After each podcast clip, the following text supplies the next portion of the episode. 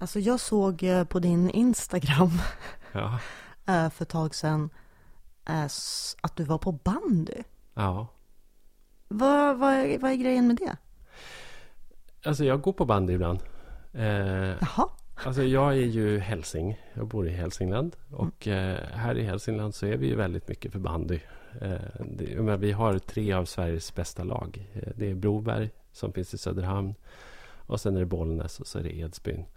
Eh, och ibland så är, kommer Ljusdal upp och, och liksom nafsar lite sådär också. Men, men de här tre lagen, Broberg och, och, och Bollnäs och, så, och Edsbyn, och särskilt Bollnäs och Edsbyn, är ju alltså tre riktigt starka lag. Och det är ju en, alltså en, en folksport här på ett sätt som det inte är i andra delar av jag, landet. jag vet det. Alltså Ja. jag vet ju det, men jag vet ju också att vi till exempel vid flera tillfällen har fått så här påtryckningar från våra lyssnare att vi borde prata om sport. Ja. Eftersom det är jättestort, ma- mycket, många sporter Mm. som är stora i Norrland och, Och sådär. ingen av oss... Och du har bara sagt nej, nej, nej, jag gillar inte sport. Öh, så här, jag kan Nej, men det gör jag inte heller, Men du men har gillar band- aldrig berättat att du gillar bandy. Nej. Jag känner mig kränkt. Ja, men jag gör ju det. Jag gillar ju bandy därför att jag tycker att det ser... Alltså det är en väldigt sympatisk... Alltså dels så tycker jag att det är ganska trevligt att titta på. Liksom, för att det är en ganska vacker sport. Till skillnad från hockey Ja, fast som det är liksom... utomhus, det är kallt, Ja. du ser inte bollen. Nej, jag vet alla de Nej, argumenten. precis, det är det liksom. Men Men, man klär på sig väldigt varmt och så står man där på en läktare och så är det ganska mysigt liksom. Och det prasslar om kläderna och den där du har en termos med dig och... handskapplådorna. Jag dricker inte sprit och som Nej. ur en termos, Nej. ur en portfölj. Men, nej, men jag, tycker det, jag, tycker att det är, jag tycker att det är ganska trevligt helt enkelt. Ja.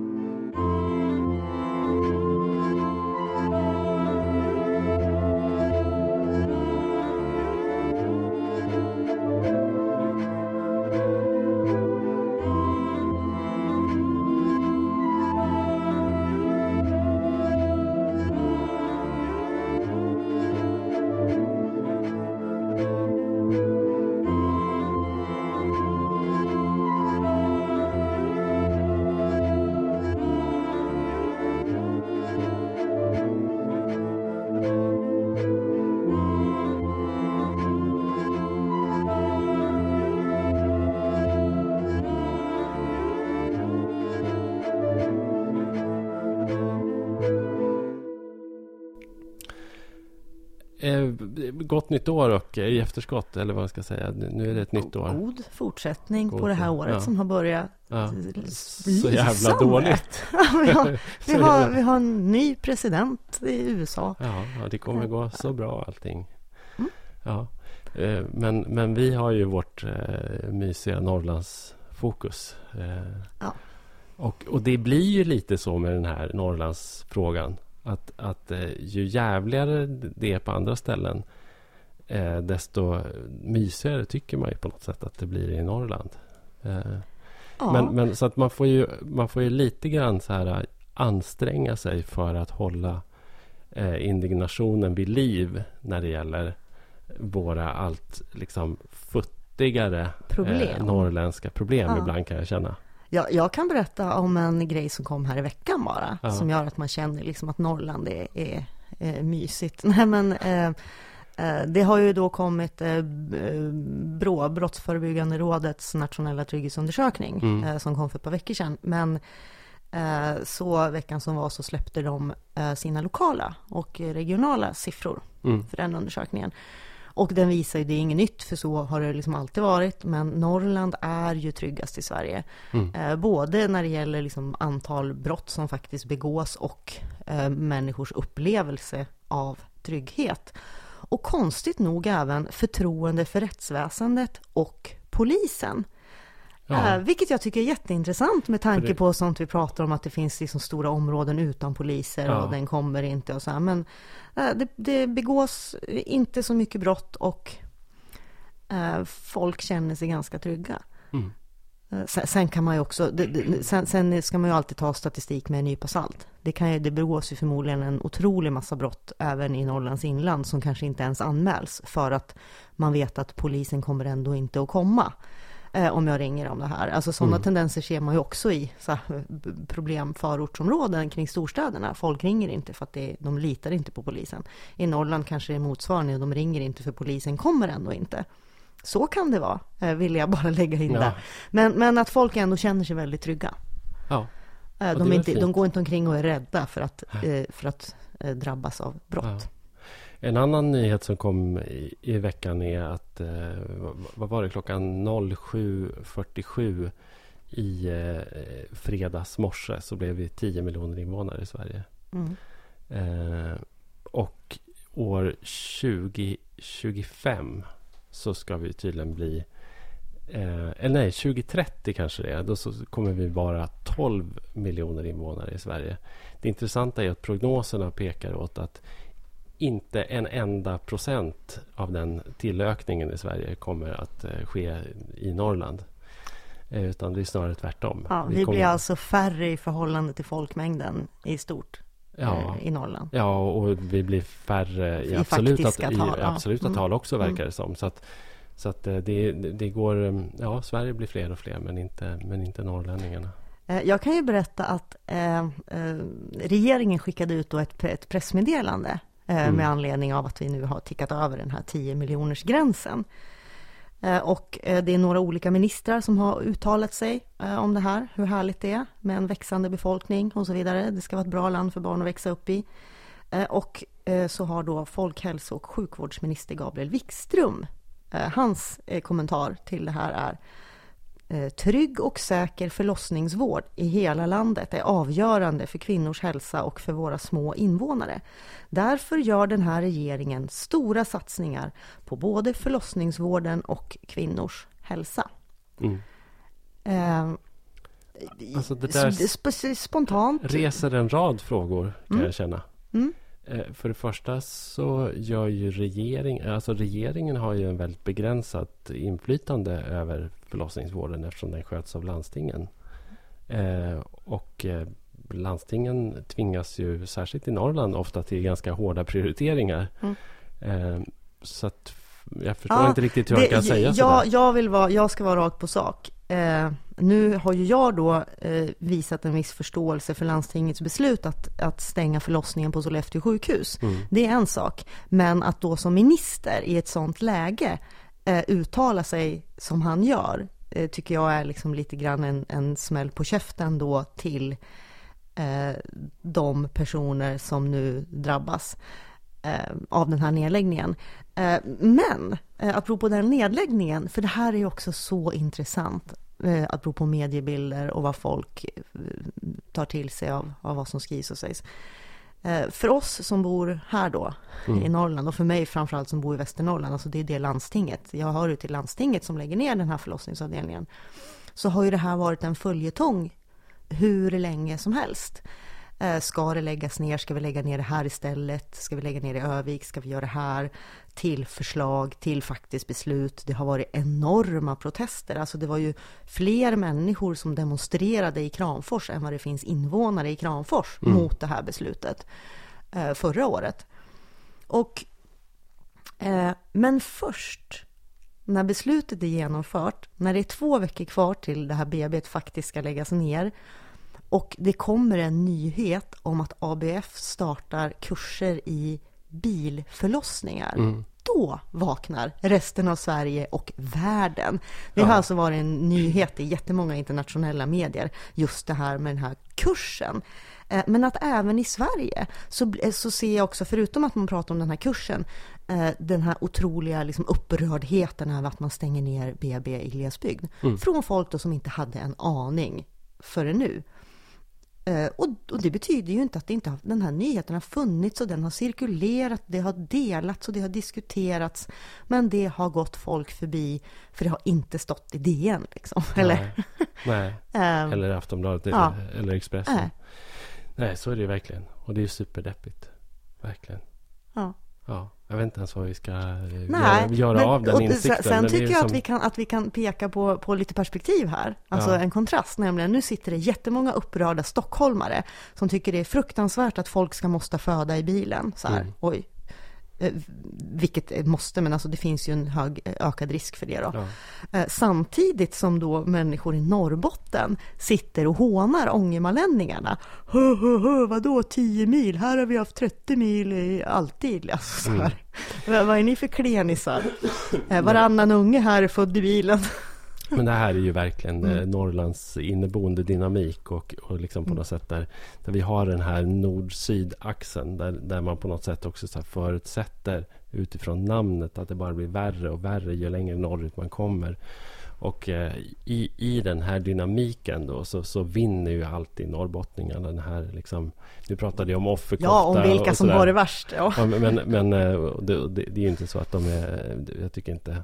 Eh, norrbottningarna har ju kastat av sig offerkoftan ganska mycket men, men jag skulle nog ändå säga att, att när, när det gäller att utmåla sig själva som värst drabbade av precis allting så, så vinner ju norrbottningarna. Fast, fast sen inte bara, jag skulle säga att det handlar inte bara om att vara värst drabbade, utan det handlar också om någon slags så här att de sätter en stolthet i att vara liksom eh, starka, kraftiga människor som reder sig själva och klarar sig utan Mm. Ja, ja, BB absolut. och utan det här för att vi, vi klarar snöstorm och, och Mm. vi, vi, vi reder oss, vi behöver inte er. Liksom. Lite så också. Det är Ja. inte bara offerkofte syndrom tycker jag, utan det finns, det finns båda delar i det här Ja. eh, i den här debatten. Men, men jag tycker att det är in, intressant att se det, det är ett ganska tydligt exempel på hur uppdelat landet är och hur lite vi vet om, om vad som händer i, i, inom Sveriges gränser om varandra. Liksom.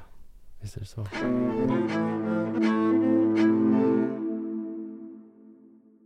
Vi har ju faktiskt lovat att vi ska grotta ner oss i den här landsbygdsutredningens betänkande. Ehm, och eh, vi, vi jobbar på det. Ja, det vi. jobbar verkligen på det. Det är 280 sidor eh, hårdkokt eh, byråkratsvenska som ska trängas igenom och eh, 75 eh, förslag eller 75 punkter åtminstone på, på åtgärder som, som ska göra livet bättre i svensk landsbygd. Och eh, vi, ska, vi ska göra en specialpodd eh, och gå igenom hela den här, eh, det här slutbetänkandet. Eh, men vi behöver också lite, lite hjälp. Vi känner jag. behöver lite uppmuntran. Lite uppmuntran och lite klappar på, på axeln. Dels eh, får, får den som lyssnar fortsättningsvis väldigt gärna eh, liksom komma med tips och förslag och infallsvinklar och synpunkter. Eh, men man kan också gå in på patreon.com Norrlandspodden och eh, bli eh, donator till, till programmet. Stoppa in några kronor här och där. Ja, man väljer själv hur många program man vill stödja. Man kan sätta maxgränser för hur många man vill stödja per månad och hur mycket. Och, så att man inte blir skinnad om vi så här fullständigt löper amok och börjar spotta ur oss hur många program som helst. Men jag tror inte det kommer hända riktigt. Eh, Det, det tror inte jag heller.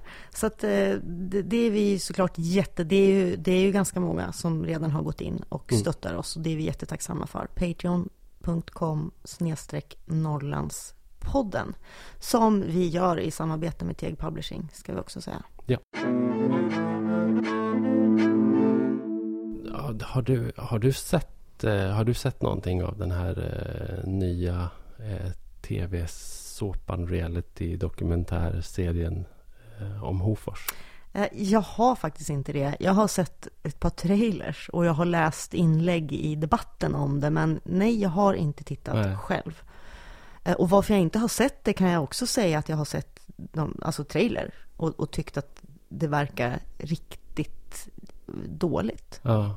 Ja. Jag har kollat lite grann. Och, och jag, alltså jag, blir, jag, blir ganska, jag blir ganska kluven. Alltså en del av mig blir nog ganska ledsen. Samtidigt så har jag så himla svårt att bli arg på saker nu för tiden. Eh, jag vet inte, jag har inte riktigt tillgång till den där till den här indignationen som, som jag borde ha kanske. Men, men det är klart att en, en serie som den här, jag ska bara förklara kort vad det är. Det, det är en slags det, det är episoder, timslånga episoder eh, som är filmade. Eh, man får följa ett antal människor i Hofors eh, som är en, en, en liten bruksort som liksom finns eh, i Gästrikland eh, och där de flesta på ett eller annat sätt eh, är beroende av ett stort stålverk som eh, alltid har funnits där. Eh, så det, det, det, är verkligen den typiska bruksorten. Eh, jag åker mest igenom Hofors ibland. Jag åkte precis igenom Hofors bara häromdagen. Och det är en ganska ful ort tycker jag. Och eh, man pratar en, en inte alltför smickrande dialekt som ligger någonstans mellan eh, Gävlemål eh, och dalmål. Eh, och, det ligger väl precis däremellan på vägen ja, från i södra Gästrikland på väg mot Dalarna. Mm. Ja, precis. Så att det, det, det, redan där är det lite öppet mål på något sätt. Det är en sån där plats som, som liksom, vad ska man säga, så här, gradvis har under ganska många generationer, tror jag, eh, liksom tömts på tömts på människor som då liksom vill göra karriär inom eh, bild, bildnings och kunskapsyrken. Och, och, och, och liksom kvar blir då människor som jobbar med kroppen på ett eller annat sätt. Liksom. Så det är ett ganska öppet mål och där har det här tv-teamet då lyckats hitta ett antal människor som är ganska originella. Eh, ganska, ja, de är väl alltså, förmodligen handplockade på grund av det. Ja, TV, att de har tänkt bra tv. Kastade för att vara eh, spännande och roliga att titta på. Eh, och, eh, och det är ju kanske Men inte... är det det som är problemet då, enligt vad jag har läst? Det... Just det här roliga att titta på. Det, precis, det blir ju så. Det blir ju som att man tittar. Det blir ju på något sätt som att man eh, gläntar på en lucka eller tittar på människor i bur lite grann. Liksom. Och sen så glider ju hela programmet in i, i ett alltför välbekant narrativ. Liksom, där landsbygdsbefolkningen då är eh, lite udda, lite eljest, lite lämnade bakom. Eh, och, eh, och på något sätt och det är en slags särskildhet eh, kan man säga. Liksom att här i Hofors bor det människor som inte är som på andra platser. Eh, de här personerna skulle inte vara liksom tänkbara överhuvudtaget i en skildring av ett storstadsområde. Då skulle man välja helt andra representanter för. Och det här går ju verkligen in i, i, i liksom hela, den här, hela problemet med hur man beskriver stad och land i Sverige. Liksom. Och jag kan känna att det är lite deppigt att, att SVT eh, sänder sådana här program, måste jag säga. Utifrån att jag inte har sett det. Ja. Och, och försöker nu... Eh, nej, jag blir inte peppad på att se. Men jag försöker bara problematisera här, eller bara komma med en, en liten djävulens advokatfråga här då. Mm. Att du säger att, att det är liksom man sitter och tittar på det, eh, skrattar åt dem, kanske mm. inte med dem så mycket. Eh, och att man har liksom valt personer som ska symbolisera landsbygden och att det blir fel. Men är inte det då att på något sätt förminska de här människorna som faktiskt deltar i den här serien? Att, att, det, att det ändå är så att det här är deras verklighet och deras verklighet som speglas om än fragmentariskt och varför ska inte den få skildras? Det det och varför som... ska vi inte ta dem på allvar i, i, deras... Det är det som gör det så otroligt svårt att prata om, mm. givetvis. Därför mm. att man måste, när man pratar om det här så måste man på något sätt skilja på de människorna som skildras och på det övergripande narrativ i vilket de skrivs in, så att säga. Mm. Och vilken roll de får spela i, i den stora berättelsen om Sverige som också skrivs fram genom en sån här serie, en sån här mm. satsning. Liksom. Eh, och, och, det är ju någonting som alla vi som, som på ett eller annat sätt arbetar i media och skildrar svensk landsbygd. Det är någonting som vi måste vara medvetna om hela tiden. Liksom. Vems ärenden går vi när vi gör det här? Eh, och, och då tycker jag att det, den diskussionen är mycket större än, än de här individerna som är med. Eh, så att, jag menar, de, individ, de här individerna kan ju vara fina och bra och eh, men den viktigaste grejen är kanske att om man skulle göra... Säg att du skulle göra en skildring av ett kvarter på Kungsholmen. Så skulle du aldrig välja de här exponenterna för stadslivet. Du skulle välja helt andra. Mm, eh, som är mer typiska för det du vill berätta om staden. Ja, exakt. Och det är det som är kanske liksom kärnan i det. Mm.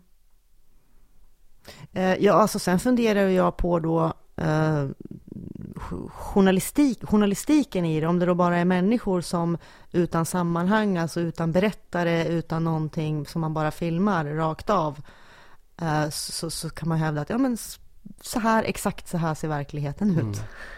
Mm. och och eh, ska man inte visa det. Men, men, men det jag menar är alltså att, att det, det, kanske skulle behövas lite journalistik. Alltså någon som går in och ställer ja, en det, fråga eller ja, drar en slutsats ja, eller sätter in det i ett sammanhang. Exakt, och det här är, det är helt kontextlöst. Liksom. Det, mm. Och det finns inte heller någon handling eller så. Utan, utan det här är bara en skildring av ett antal människor. Det är nedslag i ett antal människors liv mm. i en specifik ort i Sverige.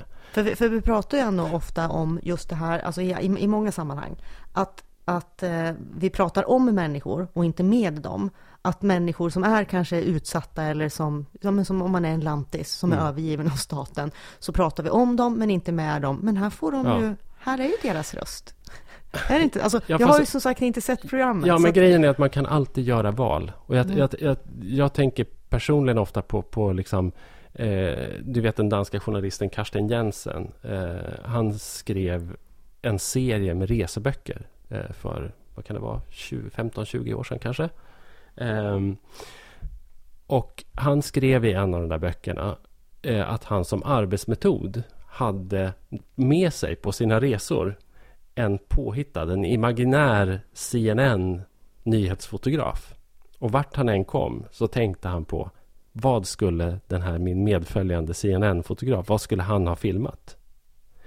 Och när han hade förstått det så vände han sig alltid åt andra hållet. Eh, och då hittade han då det som han, det, det här är kanske lite populistiskt å andra sidan, men, men då, då hittade han det som han då betraktade som vardag, vardagligheter och verkligheter och, och mm. någonting som, som kanske berättade en annan historia. Eh, och jag skulle nog säga att eh, de, de, de, som har gjort den här dokumentärserien om Hofors, de har riktat kameran åt exakt åt det stereotypa hållet, åt det förväntade hållet skulle jag säga. Alltså de hade kunnat, de hade givetvis kunnat välja ut och filma och följa ett antal andra människors liv och fått en helt annan berättelse om Hofors som inte alls på samma sätt hade förstärkt narrativet om stad och land. Ja. Så tänker jag. Uh, för att vara diplomatisk. Mm. Ja, jag kan ju inte, jag kan ju, jag kan ju bara säga okej okay, eftersom, mm. eftersom jag inte har sett det. Så det är dumt att prata om saker man inte, man, mm. man inte eh, har sett faktiskt. Men eh, nu gjorde vi det ändå. Men, men eh, det här anknyter ju, eh, skulle jag säga då, till en eh, text som orsakade viss upprördhet mm. i, i är det mera safari-journalistik? Den, na, den var jag nära att hoppa över nu faktiskt. Safarijournalistik, det var ju då som eh, Gunilla Brodres skrev i Expressen. Eh, det är så här, hon eh, skriver då kultur i Expressen mm. och hon ehm, hade, alltså hon har vid flera tillfällen skrivit om Norrland och samisk kultur och sådana där saker och och anses väl vara och anser väl själv att hon är någon med koll och öppet sinne och så här på Norrland. Och, hon har varit väldigt positiv till våran podd. Absolut, och, den har hon tipsat om och, liksom, och liksom ja. tycker den är bra att lyssna på den och så. Mm. Eh, men hon hade då i alla fall skrivit en text om eh, midnattssol, mm. som vi också har pratat om. Eh, och hon tyckte då att, att alltså hennes tes var att det var liksom överdrivet och lite exotifierande. Och, alltså så här, det var mm. hennes tes. Eh, bland annat så påstod hon att nej, det händer faktiskt, det är faktiskt inte så att någon skriker, skriker liksom jävla lapp åt någon på gatan. Liksom. Det händer mm. inte i verkligheten. Och så fick hon såklart massa, massa kritik för det här därför att du vet ingenting Gunilla. eh, kom hit och se hur det är sådär. Och då gjorde hon en sån här safari. Mm. Eh, till Jokkmokk. Hon tog på sig hatten och åkte mm, till Jokkmokk. Mm, och, mm. och, det, och det gjorde hon veckan före jul. Eh, och skrev en ny text, en mm. väldigt lång text. Men som verkligen, alltså den påminde om den texten som vi pratade om för ett par år sedan, som Jack Hildén skrev när han åkte till Missenträsk. Ja.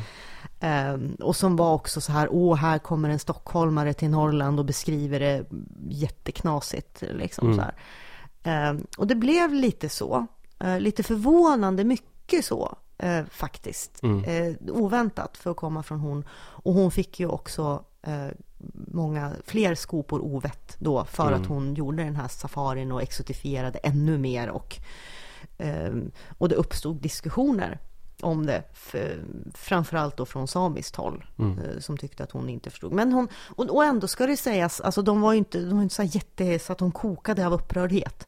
Eh, det var med dem, alltså det är bra att hon kom hit, det är bra att hon försöker förstå, men när hon skriver en sån här text i Expressen så förstärker hon ändå viss, liksom fördomar och bilden av oss. Eh, men det här, alltså jag känner ju igen det här och jag är ju också alltid rädd någonstans när jag pratar om, för ja, vi har en podd som heter Norrlandspodden, jag bor i Norrland, jag kommer härifrån, men Norrland är stort, jag känner inte alla, jag har inte varit överallt. Eh, Man riskerar ju hela tiden faktiskt att trampa i klaveret för att man pratar om saker som man egentligen inte har koll på. Hur känner du om det? Ja, så jag har ju trampat i klaveret eh, såklart många gånger själv.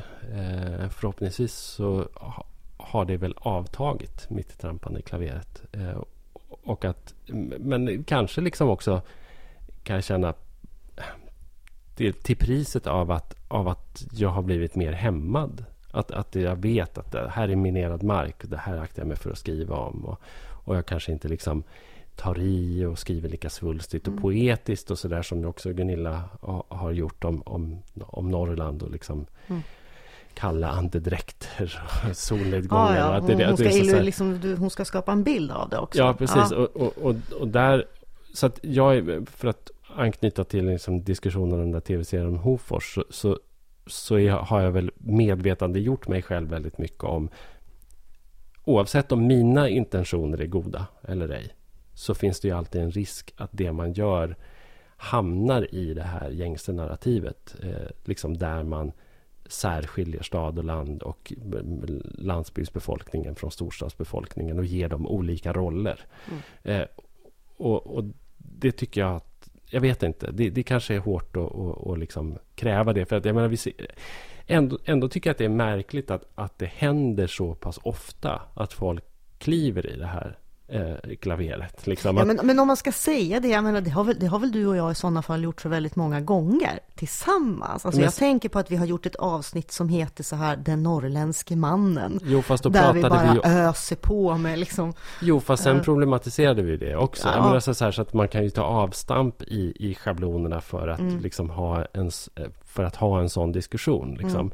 Och det jag kan känna är väl liksom att, jag menar återigen då, vi, vi har medvetandegjort oss själva i Sverige eh, på en rad områden. Alltså vi vet idag att man, man, man eh, hackar inte på eh, underklass. Man hackar inte på liksom, hbtq-personer. Man hackar inte på invandrare. Men det är fortfarande helt och hållet fritt fram att hacka på lantisen. Vilket ju då liksom anknyter till en annan eh, aktuell artikel. ja, eh, det anknyter då till en artikel som är publicerad eh, den 30 december, alltså det var före nyår. Och Ja. för att vara publicerad i datumet så fick den ju otroligt stort genomslag. Det är alltså Mm. på Omtalat, Expressens eh, viral eh, Expressens sajt. klickbetessajt. Precis.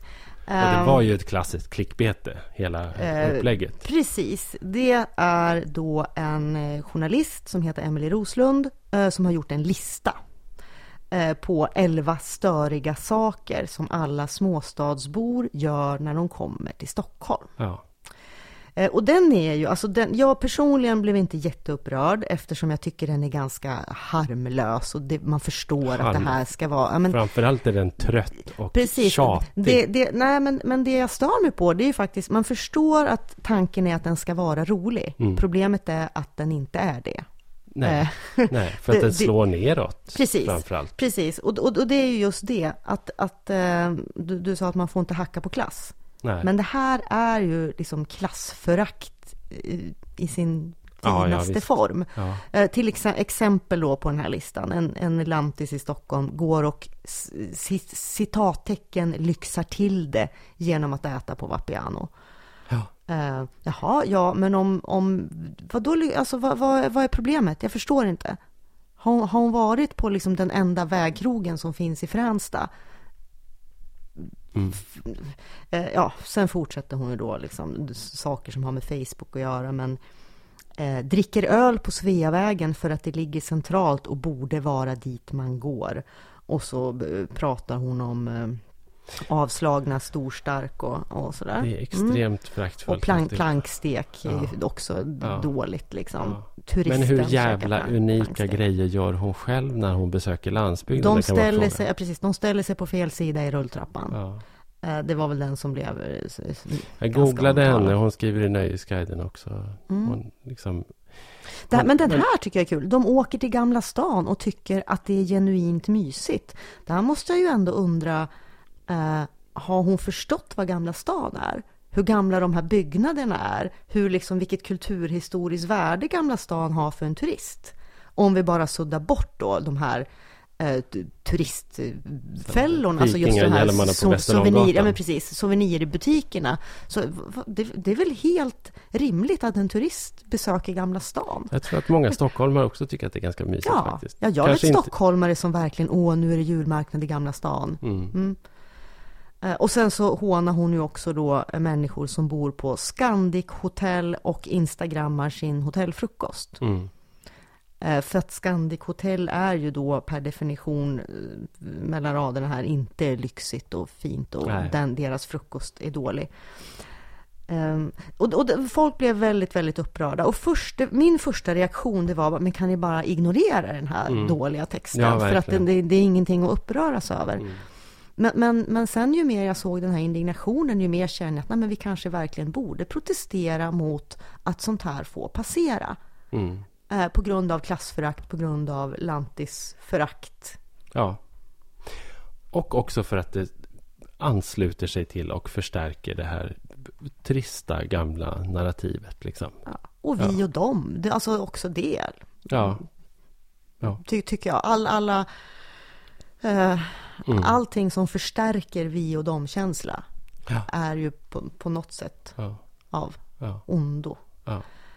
Eh, jo, eh, det, det sägs ju också då att lantisar i Stockholm blir ju liksom helt till sig om de råkar se en kändis på gatan. Vilket man gör hela tiden i Stockholm, för det bor mycket kändisar där och de rör sig fritt. Och. Och det, det är ju ganska känt också att Stockholm är en stad där kändisar kan röra sig fritt utan att bli störda och liksom antastade av främlingar Mm. eh, väldigt mycket. Ja, ehm, och, och, och, och det är väl en sak, alltså det stämmer ju. Mm. Jag vet första gången när jag var i Stockholm och såg kändisar och bara oj, människor man bara sett på tv, finns de på riktigt? Så. Mm. Vem var det då? Kommer du ihåg det? Nej, det minns jag inte faktiskt. Det var någon så här rapportgubbe liksom. Ja, Ja, då på 80-talet. Ja. Eh, nej, så att, så, att, eh, så att är man uppvuxen i en liten stad eller liksom ett litet samhälle på landet och aldrig ser en människa i verkliga livet som syns på tv, Mm. så blir det konstigt. Och det är ju intressant i sig eh, att bero på när man pratar om liksom medieelit och etablissemang och, och liksom allting styrs från Stockholm. Att, ja, men för stockholmare, när de tittar på tv så är det inget konstigt att det är någon som gick i deras skola eller, Nej. eller som bor granne eller som har barn på samma dagis. Därför att det är människor som jobbar på tv bor i Stockholm. Mm. Eh, och, och den klyftan tror jag är svår att förstå. Liksom både för lantisar att förstå att Mm. de här tv-människorna på riktigt är som dig och mig och lever som vanligt och hämtar och lämnar barn på dagis. Eh, De är inget märkvärdiga. Och för stockholmare att förstå att det finns människor som aldrig någonsin har träffat en person som har varit på tv. Men vi har ju haft eh, verkligen en, en kändis på roadtrip. I Norrland. I Norrland. Frodo har liksom så här med sitt lilla, med sitt lilla svärd Ja, han hade nog inte det med sig, sig. Han huggit sig igenom norrländska, Mordor. norrländska ja, på jakt, ja, på, på jakt på, efter väg, på väg till Mordor. Mm. Först, så, först så var han, Han eh, dök upp i Sundsvall. först var det i Sundsvall. Så var det. Han... På någon eh, eh, sylta typ. Nej, nej. Nej, eller var det en var bättre restaurang? Nej, det var en bättre restaurang. Ja, okej. Ja, Mm, Den heter Tuppen, så Aha. man tror att det är en sylta Ja, kanske. jag- nej, men, det är en, ju- nej, men ja. det är, en- det, är en, det är en bra restaurang. Eh, och eh, käkade middag där, Mm. tog ett par öl. Och det här började först spridas i sociala medier. Mm. verkligen, åh, det sägs att Frodo, eller Men det var Elijah någon som Wood tog en bild på honom också? Vänta, ja, men, det här, Ja. men det här var innan, så här. det sägs att Ja. Elijah Wood är i stan liksom. Gud, vart är han? Och, och så började det spridas rykten om varför och det sades att Mm. han var på väg till Skuleskogen och ja, det Ja. började spridas massa rykten. Och sen så la den här restaurangen upp en bild på sin Facebook att de har, och visade att de hade haft fin besök Ja. och la upp en bild på Elijah Wood för att bevisa att han verkligen hade varit där. Och så blev ju det här en, liksom, Sundsvalls tidning plockade upp det här, Mm. eh, gjorde en grej på det, intervjuade dem på tuppen, ja, och alla liksom, ja men han var Mm. trevlig och vi fick fotografera honom och så gick han iväg. Sen så, så försvann han från radarn ett Mm. tag. Och jo, också det här att tidningen, vet du mer? Har du sett honom? Skicka Mm. in bilder, ring till tidningen. Men sen så flyttade det här sig till olika tidningar i, i Norrland. Eh, för ett För par sen- dagar senare så, ja precis. För sen ploppade han upp på bilbolagets lunch. Bildbolaget, bildbolaget i, Aha, ja. Men bilbolagets lunchkrog i Brunflo. i, i Brunflo, det är ett helt fantastiskt ställe att luncha på om man är Elijah Wood tycker jag. Mm. Och där stod han och poserade med något barn i Ja, famnen. någon som tryckte ner en bebis i famnen på honom. Och han tog ser jätteglad ut i ja. alla fall. Ja. Ja. han verkar vara en fin kille tycker jag. Och sen måste han ju ha åkt, för sen, men sen försvann han igen och sen nästa gång ploppade han upp på Tree Hotel, eller hur? Eller var det Ja, andra ställen? Nej, han syntes på någon mack. Han, han I- syntes längs på E45. någon, mm, Ja, jag tror han har synts... Han, ja, men han ploppade upp på Tree Hotel, han var och på någon skällmack någonstans. Det minns jag inte vart. Men, det, men i alla fall så här att, att det känns som att inte varenda, men väldigt många Norrlandstidningar fick sin egen grej på att nu Ja. är han här. Nu är Elijah Wood här. Det är fint. Och alla följde det. Och, det. och de här artiklarna också, det ska sägas, de blev väldigt klickade och lästa. Eh, och det blev verkligen en snackis. Och jag vet ju att till och med jag kände ju folk liksom i Sundsvall, när den här kvällen när alla visste att åh, han är i Sundsvall. Som så här, åh, jag måste ut på krogen för att se om jag ser honom. Du vet, för att, för att det blir en... Och, men nu kan vi inte jämföra heller Elijah Wood med med liksom Claes Elfsberg. Som, men som är en grej om man är, om, om man är Nej, men lantis jag hade nog... Eh, nu går inte jag fram till kändisar och tar bilder kanske. Men, men just Elijah Wood hade jag ju faktiskt tyckt var ganska roligt. Om man hade träffat på. Mm. Jag Ja, men det, det skulle nog jag också ha tyckt. Men jag Ja. skulle definitivt inte ha gått fram till honom, tror jag. Nej. Men jag skulle, jag skulle ha liksom tittat i smyg och, och, och Mm. eh, räknat avståndet i meter till sådär.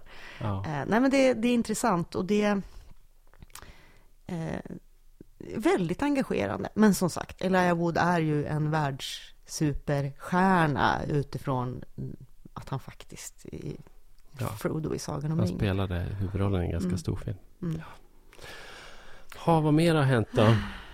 Eh, Du har blivit utnämnd till Årets lantis. Ja, herregud. Det är faktiskt jätteroligt. Det, det, det allra roligaste, det är faktiskt bilden på fra, omslaget av tidningen Land. Som inte har bytt sin... Som inte har har bytt sin form. i Inte, samma de form. Ja, samma formgivning måste de ha haft sedan 70-talet. Det roligaste med bilden är att du ser så hysteriskt, förskräckligt, genuint jättelycklig ut på den. Det, det, jag, känner, jag känner inte att det matchar din image riktigt. Nej. Som liksom sur, jag, har ju godkänt, jag har ju godkänt bilden själv. Mm. Eh, så att eh, jag har ju... Alltså nu var det ju så att, att de ville ju ha en bild. De var verkligen så här. Eh, vi, vi, skickar, vi skickar blommor. Och sen så vill vi gärna att fotografen tar en bild av dig där du är glad. Eh, och håller i blommorna. Mm. Eh, och då så tänkte jag lite på det där. Och sen så kom jag väl ganska snabbt fram till att liksom, varför skulle jag inte kunna göra det? Jag är 45 år gammal. Jag håller på med landsbygdsfrågor. Eh, om jag någon gång har varit cool så är jag ändå inte det längre. liksom. Så att fuck it. Liksom. Då, kan jag väl, då kan jag väl skratta på en bild på tidningen Lands omslag. Då. Mm. Och sen så gjorde jag det. Stå där i en mysig tröja och... Ja, mysigt. Jag hade mysig tröja, jag hade blommor. Jag står framför en, en Mm. eh, hembygdsgård. Det är 15 minus ute. Det är kallt och krispigt. Och, men, eh, men du har hipsterknuten halsduk. Liksom. Ja, och vilket, vilket otroligt många ville påpeka också när jag la upp Mm. Så den där där bilden. knyter inte en lantis halsduk. Nej, nej det, det, det är en, en tydlig signal eh, tydligen om att, om att man inte är rural på, på, liksom, på det gängse sättet. Eh, jag tror ju kanske mer att den där halsduken, eller det där sättet att knyta halsduken, kanske mera har att göra med, med klass än med, än med lantligt kontra urbant att göra. Okej, okay, det har att göra med att du är borgerlig. Ja, om jag nu är det. Jag vet ju att det, det här har ju också varit en, en, diskussion. Vem av mig och Sofia är mest borgerlig? Mm. Ja. Och du ordnade en omröstning på Twitter. Ja. Jag var inte, stod inte bakom den. Nej. Men jag har röstat i den. Har du? Ja. Vad röstade du? Ja, det kan jag säga sen. Sen? Okej. Okay. Uh, eh, Vad blev resultatet till slut för övrigt? Uh, ja, jag tror det blev 56, uh, 54-46. Till vem? Till dig. Och det beror då på att folk tolkar tolkar begreppet som det ska tolkas. Det, vill säga, det, vill det beror säga, på, in, tror det jag... Att, utgår inte från politisk ideologi utan... utan nej, nej, från... nej, nej, det utgår inte från, från det. Utan, och, det, och det uppstod också en sån diskussion som var ja. ganska livlig och den uppstod både på, på Twitter och på min Facebook och så här om, om vad, vad man räknar in i begreppet borgerlig. Mm.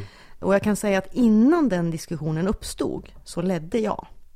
Aha, eh, okay. men, men sen då när man liksom följer tråden i den här omröstningen och det börjar diskuteras vad borgerlig är. Eh, jag har ju till exempel så här jämfört vilka bilar vi kör. har du outat allt det här liksom? Du har bara Men det har vi ju redan outat i podden. Ja, ja, jag berättar ju ingenting som Nej. vi inte har pratat om i ja. podden. Eh, och, och, så säger jag ju bara det, liksom borgerlig handlar ju mer om livsstil än, än politik. Ja. Liksom att man är en borgerlig person. Är du ideologiskt sett borgerlig? Då? Eh, Ser du dig själv som Nej, borg absolut borgerlig? inte. Jag har aldrig identifierat Nej. mig som borgerlig, utan jag identifierar mig som liberal. Och ja. borgerlig, det, alltså för mig är ju det så här, men man och... pratar om borgarna på 1900-talet som var så konservativa, Eh, alltså nej, nej, jag hör nej. inte dit. Sen har liksom Liberalerna kommit att flyttas åt höger. Och livsstilsmässigt då? Finns det någonting borgerligt? Absolut inte. Där är jag den minst borgerliga människa man kan tänka sig, tror ja. jag. Eh, alltså på riktigt och särskilt, alltså den här, eh, om folk kände oss och tolkade begreppet som ett livsstilsbegrepp mm. så skulle ju du ha vunnit med 90-10. Ja, kanske. Vad är, det, som, vad är det som gör mig så himla borgerlig då? Alltså jag tror för det första att det är din, eh, din bakgrund. Mm. Steg ett, det säger du själv i värvet. Ja. Du säger själv det. Säger att du har en borgerlig bakgrund. Ja, ja, liksom. sant. Ja, och, ja, och halsduksknuten. Precis, halsduksknuten, bilen du kör. Alltså ändå skulle jag säga eh, din status i samhället eller liksom dina resor. Du åker till storstäder på semester. Mm. Eh, ja. Du pratar om liksom att kunna köpa dyra viner. Alltså också nu, nu, nu refererar jag till Värvet igen, ja. som vi inte har nämnt än. Men att, eh, att eh, faktiskt då Kristoffer Triumf har gjort en intervju med dig i Värvet. Mm. Vilket också är intressant och som jag undrar om man kan koppla till den här glada bilden. Att du har börjat släppa på vissa sådana här jag kan tänka mig att du, du har varit väldigt restriktiv så här, mot att generellt prata om dig själv. Mm. Men, men när man är med i värvet, då måste man ju prata om ja, sig själv. Jo, Hur tänkte precis. du när du, alltså var det här någonting som du tvekade över när du fick frågan? Eller ja. svarade du ja direkt? Nej, jag tvekade. Absolut. Samtidigt så, så är ju det där programmet är också så att frågorna är så öppna och generella i det där programmet. Så att om det ska hända någonting så måste ju alltså gästen måste ju göra jobbet. Alltså gästen måste ju bjuda på sig själv. Mm. Annars blir det en ganska tråkig mm. timme att lyssna på. Mm. Liksom. Så att om man tackar ja till att vara med i värvet så måste man ju också på något sätt vara beredd att leverera lite. Eh, så att jag försökte väl helt enkelt tänka efter lite innan vad jag kunde tänkas. Du drog en liksom, gräns i ditt huvud liksom? För... Ja, sen är det ganska svårt i, i liksom när man väl sätter igång och pratar så kanske mm. det är ganska svårt att liksom hålla på den där gränsen. Så man kanske säger saker som man egentligen inte hade mm. tänkt säga. Nej, men för det, det, tycker jag generellt, det tycker jag är intressant med just Kristoffer Triumf. Att väldigt många intervjuer som han gör med folk som man har liksom läst och sett och hört mm. hundra mm. intervjuer av. Så lyckas man ändå få veta något man inte redan visste om den personen. Och det tror jag är för att han ställer så öppna frågor faktiskt. Att det liksom, och, och att just att folk, utan att förringa honom som, som intervjuare, eh, men, men jag tror att det också handlar om att människor som tackar ja till att vara med i värvet också inser att de måste leverera någonting. Får Eh. man, får man en sån instruktion till och med? Nej, ingenting. Nej, Nej, men det Nej. tror jag i- och, med att, i och med att värvet har den status som det har. Som, är, som, som liksom programmet där människor får prata till punkt och berätta Mm. om saker sådär. Så att det, då är det väl liksom... Men han har ju också den här, den här intervjutekniken som ju är jättebra för att få folk att prata. Mm. Att han blir tyst. Ja, ja exakt. Liksom, Ja. Alltså får han ett väldigt kort svar så är han tyst en stund och då, då blir man ju nervös av tystnaden och fortsätter babbla. Liksom. Ja. Det, är ju, det är ju bra. Och, det, och det, så funkar ju alla Mm. människor. Det är ju nästan ingen som, som inte funkar så. Nej. Han Eh, pressar dig om politik också. ja, Ja. folk får lyssna själva. Ja. Eh, ja, vi behöver inte dra det. Eh, Men apropå dig och mig då, och vad som är borgerligt och Ja. inte. Alltså jag räknar mig som sagt inte som borgerlig. Jag räknar mig ju inte ens som höger. Nej, Eh, Jag, jag räknar mig som men mitten. inte liberaler höger? Eh, nej, liberaler kan vara höger eller vänster eller mitten. Är du då Eh. vänsterliberal? Det skulle jag kanske säga att jag är. Men, Ja. men jag skulle också säga att det beror ju så på. Alltså, Mm. det, och det är ju just det. Jag kan inte välja block. Därför att i vissa frågor så tycker jag på riktigt Mm. att Moderaterna eller Centerpartiet he- har, har bästa politiken. Och i andra frågor kan jag på riktigt tycka att Vänsterpartiet eller Miljöpartiet har det. Mm. Ehm, Ja. och, och, och det är liksom, jag har alltid verkligen identifierat mig som liberal och mitten. Och det tycker jag är intressant med, men med den senaste tidens politiska händelser. Ja. Liksom att alliansen ser ut att hålla på att spricka och sådär. Att helt plötsligt har vi fått, vilket vi inte har haft sedan alliansen skapades, två mittenpartier. Mm. Alltså Liberalerna och Centern står där och de är, även om kanske många av deras väljare fortfarande skulle definiera sig som höger, så tror jag också att det är många som inte gör det, som verkligen är så här, ja men typ gamla Bengt Westerberg, liberaler, mitten, mitt, mittenliberaler. Blockpolitiken faller sönder Mm. enligt Galtanskalan. Ja, nästan. men då, då tror jag att då, då tror jag inte att, att det, att det är liksom alla ser sig som borg, borgare eller liksom borgerliga. Ehm, men som att vi säger ju inte att Sundsvalls Tidning är en borgerlig ledarsida. Sundsvalls Tidning är ju en liberal ledarsida. Sen kan andra packa in den i facket borgerliga ledarsidor. Och det kan jag acceptera, så är det ju. Men, Men, Men- I, alltså, så här, då skulle jag säga att i och med att alliansen bildades mm, så knöts ju också alla sympatisörer till alla samtliga allianspartier upp i ett borgerligt projekt. Och, och började, alltså det här är ju i någon Mm. mån obestridligt så du behöver inte ens anstränga dig för att säga emot tycker jag. nej, men, men, men alltså så här, alltså att, att, borgerliga ledarskribenter, antingen om de var liksom oberoende moderata eller Mm. vänsterliberaler, blev ju påhejade av alliansen som allra faktiskt mest var ett projekt för de nya moderaterna. Så att när det närmade sig valår, om man säger de tre senaste valen, så länge alliansen har funnits, så, så har ju eh, ledarskribenterna i, i, i mellanvalsperioderna så har de borgerliga eller liberala, liberala ledarskribenterna kunnat vara relativt fria och liksom också Mm. så här att er, erkänna fel och brister inom alliansen. Mm. Men ju närmare valet man har kommit så har ju även de som har varit vänsterliberala har ju slutit upp bakom alliansen. Mm. Och det ser jag ju fram emot eh, inför, inför valet 2018. Att, Men- att du och kanske då andra vänsterliberala kollegor faktiskt kan vara friare i er opinionsbildning därför att det inte finns ett alliansprojekt som man Mm. måste det ställa tror ju sig inte bakom. jag att det kommer att finnas. Sen apropå ordet borgerlig så vill jag säga att, att jag har inga problem med att säga att jag ligger närmare liksom alliansen än de rödgröna generellt. Nej.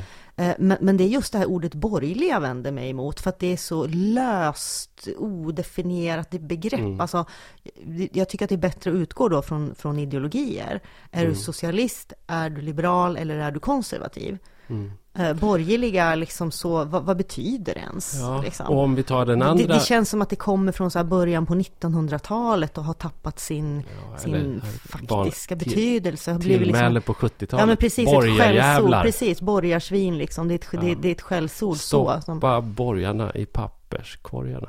Som, som, ja, och jag man tycker att det, och jag kan tycka att det är ungefär lika relevant som att kalla liksom eh, rödgröna för kommunister. Men det är ju intressant, apropå liksom de här ordens etymologi, att, att vi har det här ordet då som betyder två saker. Som dels kan betyda höger och dels då kan betyda eh, en person av en, liksom då, en, en högre, högre samhällsklass eller någon Mm. som lever Mm. enligt liksom, eh, Men det är ju så säga, de hänger högre ihop, samhällsklass. därför att det var den samhällsklassen som... Ja. eh, Och, och kanske... och, tit, och titta då på vad, vad, de, vad de åsyftar, var de här två orden kommer ifrån från början. Jo, apropå den urbana normen och liksom det här som vi pratade om då med liksom Adel, präster, att, borgare att ställa och... sig, att vara årets lantis med en borgerlig halsduksknut blir ju då väldigt motsägelsefullt eftersom den borgerliga halsduksknuten då, eh, alltså om man följer ordet bakåt, är urban. Eh, Det som bor- händer är att du var ju-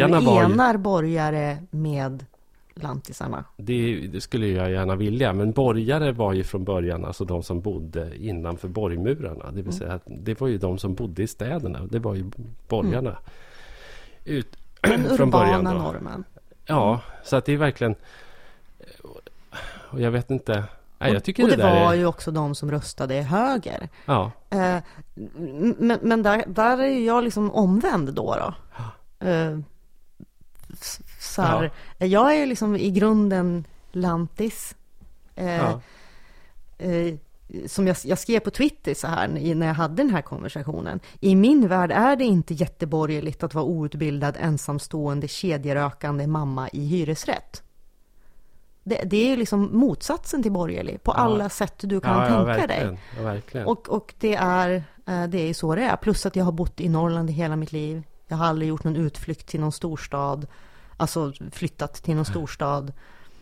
Eh, Så att, så att utifrån det är jag ju inte borgare. Och utifrån det så kanske det är märkligt att jag är liberal ledarskribent. Mm. Men Och, och, och, och omvänt, det kanske är märkligt också då att jag inte faktiskt bor i Stockholm och eh, utövar min... min det är jättekonstigt ut- med tanke utövar på min hur borgerlig du är. utöva min borgerliga livsstil utan att jag faktiskt eh, bor på en, en gård i, på landsbygden och jobbar med de Mm. Men det här är en sakerna. ganska borgerlig gård. Försök inte. Nej du.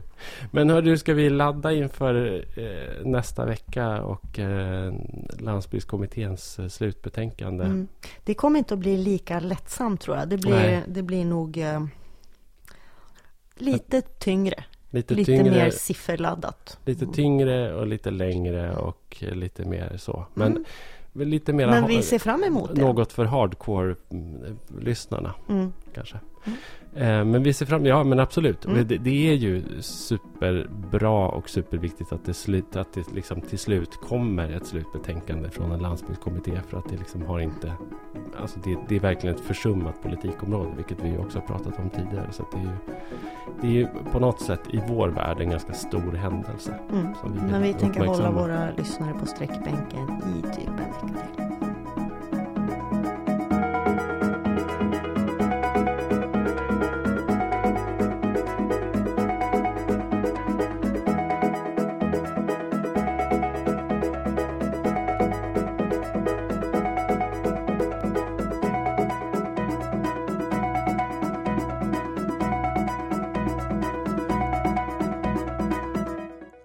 Norrlandspodden är en produktion från Teg Publishing.